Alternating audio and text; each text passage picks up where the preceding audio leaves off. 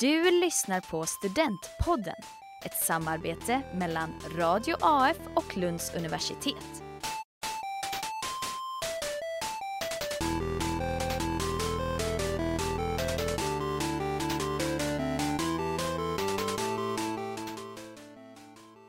Hej och välkomna till Lunds universitets öppet hus. Jag heter Jakob Avins och eh, nu ska vi prata om skillnaden mellan gymnasiet och universitetet. Och eh, jag är här med Kristin Einarsson och Andreas Kristensson. Och då börjar jag fråga med, vad pluggar ni med? Du Kristin? Ja, eh, jag pluggar just nu en kurs som heter UGIKen, eh, så jag läser den på distans. Men jag har under höstterminen pluggat här i Lund och då läser jag handelsrätt på Ekonomihögskolan. Eh, jag läser helt program, en kandidatprogram, Service Management Hälsa och eh, på min sista termin. Så jag tar examen ut sommar faktiskt. Ja, trevligt. Och eh, ni började båda plugga på universitetet direkt efter gymnasiet, Ja. sant? Mm. Vad tyckte ni var den största skillnaden mellan eh, gymnasiet och universitetet? Det jag märkte direkt det var andelen schemalagd tid. För att i gymnasiet då hade jag i alla fall så schema mellan 8 till 3-4 varje dag. Medan direkt när jag över- gick över till universitetet så hade jag kanske en föreläsning om dagen. Men då är ju poängen att då måste man ju ändå läsa så mycket mer. Ja, och jag håller med där.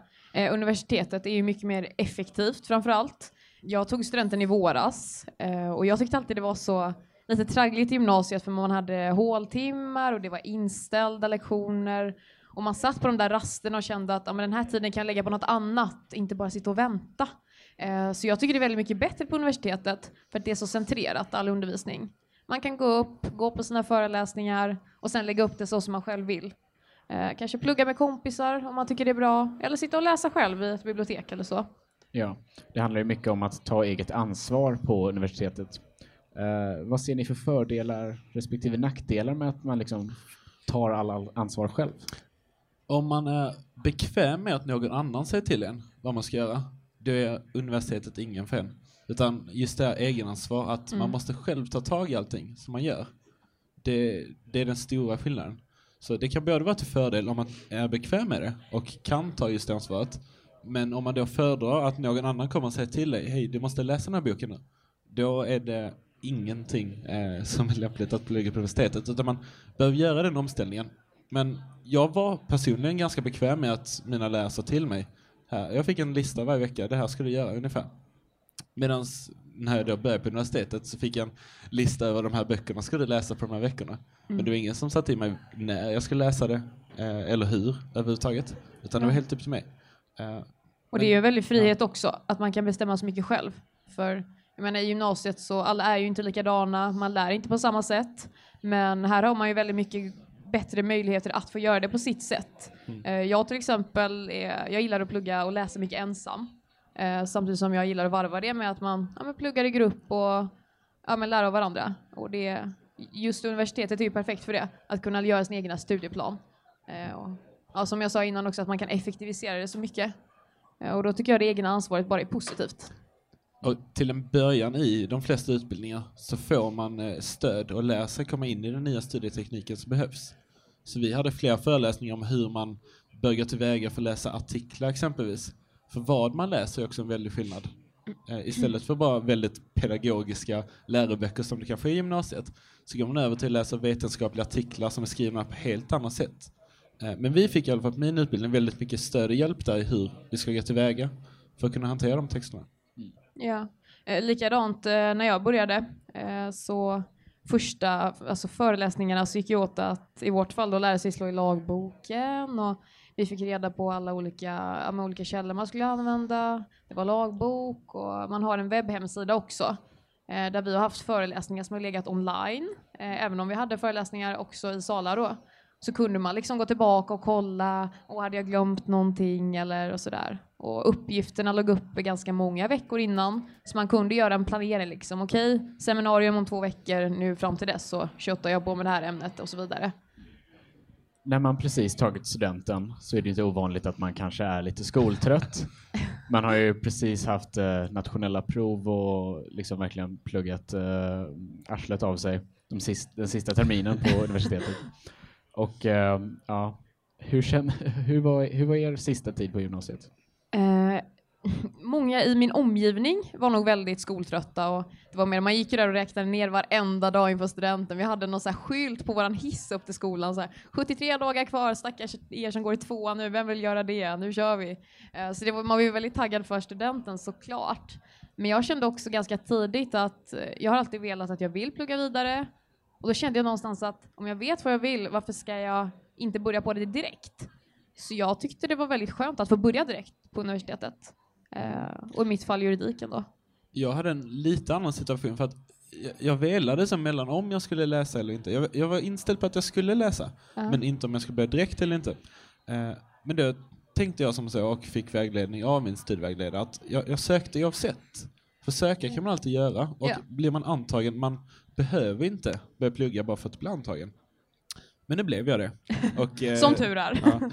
Och tackade jag till platsen och då, där i slutet av sommaren när jag skulle göra övervägandet om, om jag ville börja på utbildningen eller inte så tänkte jag nej men jag, jag testar på det.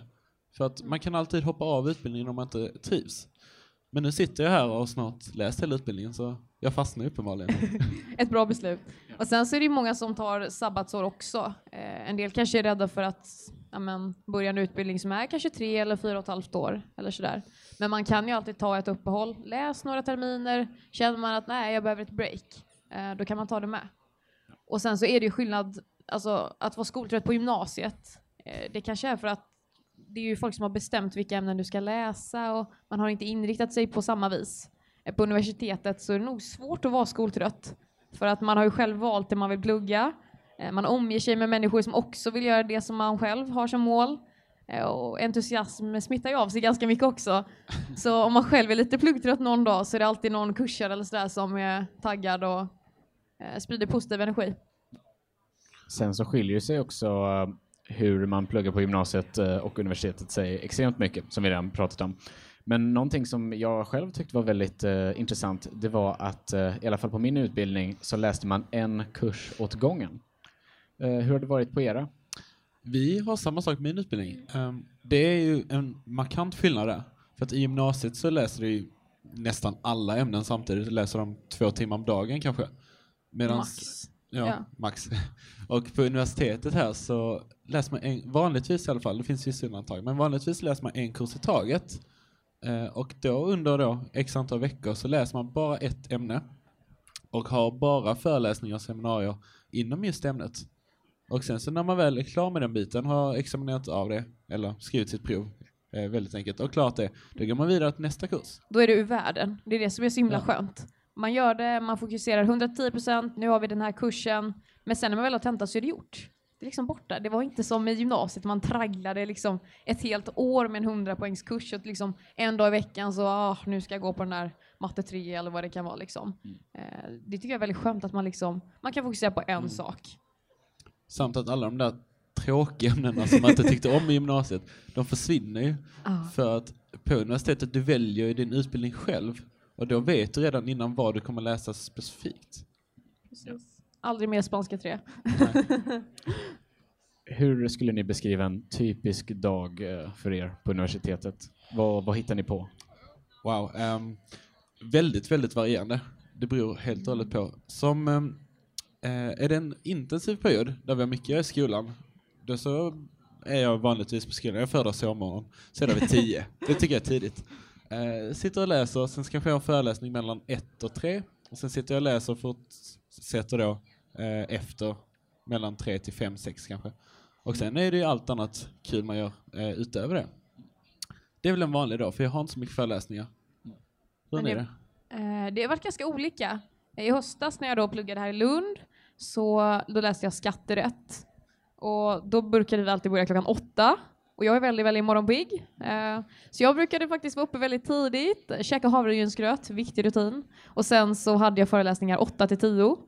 Eh, och sen efter det så satt vi i studiegrupper. Eh, alltså vi, ja, med, några kursare satt och jobbade med uppgifter och förberedde våra seminarier och sådär kanske. Och sen på eftermiddagarna så brukade jag lägga in lite egen studietid med att läsa kurslitteratur och sådär. Men det är väldigt stor skillnad jämfört med det jag har hemma nu när jag pluggar på distans. Då är det helt annorlunda. Då, Då rider jag hästar hela förmiddagarna fram till klockan ett brukar jag vara klar i stallet. Och sen in och så slå på datorn. Och så loggar jag in på Skype, så ringer jag upp min bästa kompis som också är min kursare. Och så sitter man på forumet helt enkelt online och kollar på docenternas eh, föreläsningar om och om igen. Jag tänkte att vi ska avsluta lite med att prata om någonting som jag vet skrämde mig när jag eh, skulle börja på universitetet och det är det förödade ordet eh, tenta, tentamen. Dun, dun, dun, dun. Skulle ni vilja berätta lite om er första tenta? Min första tenta, um, vi är en väldigt stor klass, ska jag börja med att säga, på strax över 200 personer. Så när vi skrev vår första tenta, eh, då kom vi in i en sal, den var oerhört stor. Stod där bord överallt med stolar. Så en meters mellanrum exakt, jag tror de har mätt upp det med linjal. Var det på Sparbanken Arena? Nej, Också? Nej? nej det var på Sundspelaren Helsingborg. Ah, Min utbildning ligger i Helsingborg, på campus Helsingborg. Eh, tillhör ändå Lunds universitet. just det. Eh, men då fick man gå in där, sätta sig vid varsin eh, och man visste inte riktigt vad man skulle ha med sig. Så jag hade bunkrat upp, hade fem pennor, sju suddgum, och massa läsk och godis, allt sånt. Eh, det enda vi visste var vad vi skulle skriva och hur länge ungefär. Då satt man där. Man var ju väldigt nervös, men alla andra var ju också det. Satt man, och så har vi tentavakter som går runt, kollar eh, så att allting sköts rätt. La provet framför mig. Och sen var det bara att skriva.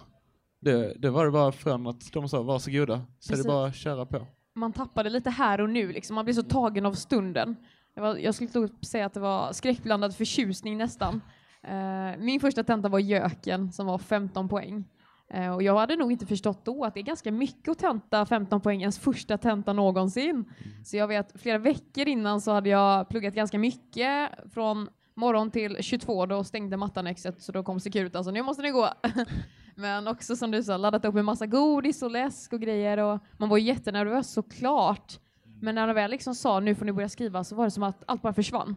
Så när man väl kollade upp och skrivit lite så wow, satt jag här. Mm. Eh, och vi skrev också 300 personer i en handbollssal är det här i Lund. Eh, och då minns jag det här lagboksprasslet som bara susar i de här handbollsplanen i flera timmar. Men efteråt var det en obeskrivlig lättnad. Och nästa tenta kändes inte lika jobbig. Nej. Sen finns det ju uh, hemtentor också. Har ni någonsin gjort en sån? Jag har aldrig haft en hemtenta faktiskt. Jag vet andra som har haft, men jag har sluppit det. Det är jag väldigt lättad över faktiskt. Har du haft? Ja, alltså på UGIKen så är upplägget, eh, först gör man ett spärrprov och det är på högskolepoäng, ett högskolepoäng. Eh, så en hemtenta kanske man inte kan kalla det, men vi har uppgifter varannan vecka där vi tentar av olika ämnen. Exempelvis gjorde jag skadeståndsrätten förra veckan och fick godkänt och då fick jag en högskolepoäng. Eh, så det är väl, det är väl en slags Ja, hemtenta. blir- Ja. ja. Tack så mycket för att ni ville komma hit och Ja. prata om eh, gymnasiet och universitetet, Kristin Einarsson och eh, Andreas Kristensson.